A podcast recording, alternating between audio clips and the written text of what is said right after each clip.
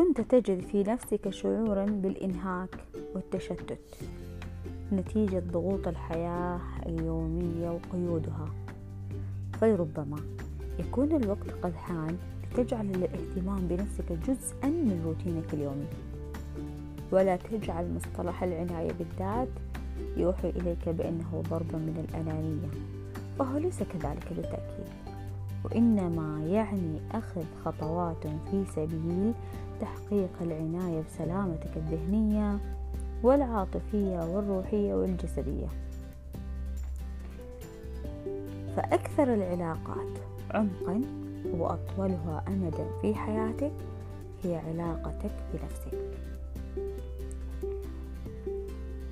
توخى الوضوح بشأن العناية بالذات. من المهم أن تفهم ما تعنيه بالعناية بالذات.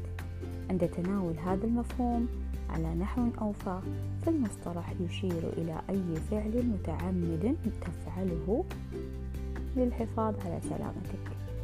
الجسدية والذهنية والعاطفية والروحية. وأيضا لتنمية تلك الجوانب. لا يتعلق الأمر بالتدليل فحسب. ولكنه منوط بعدد من الممارسات.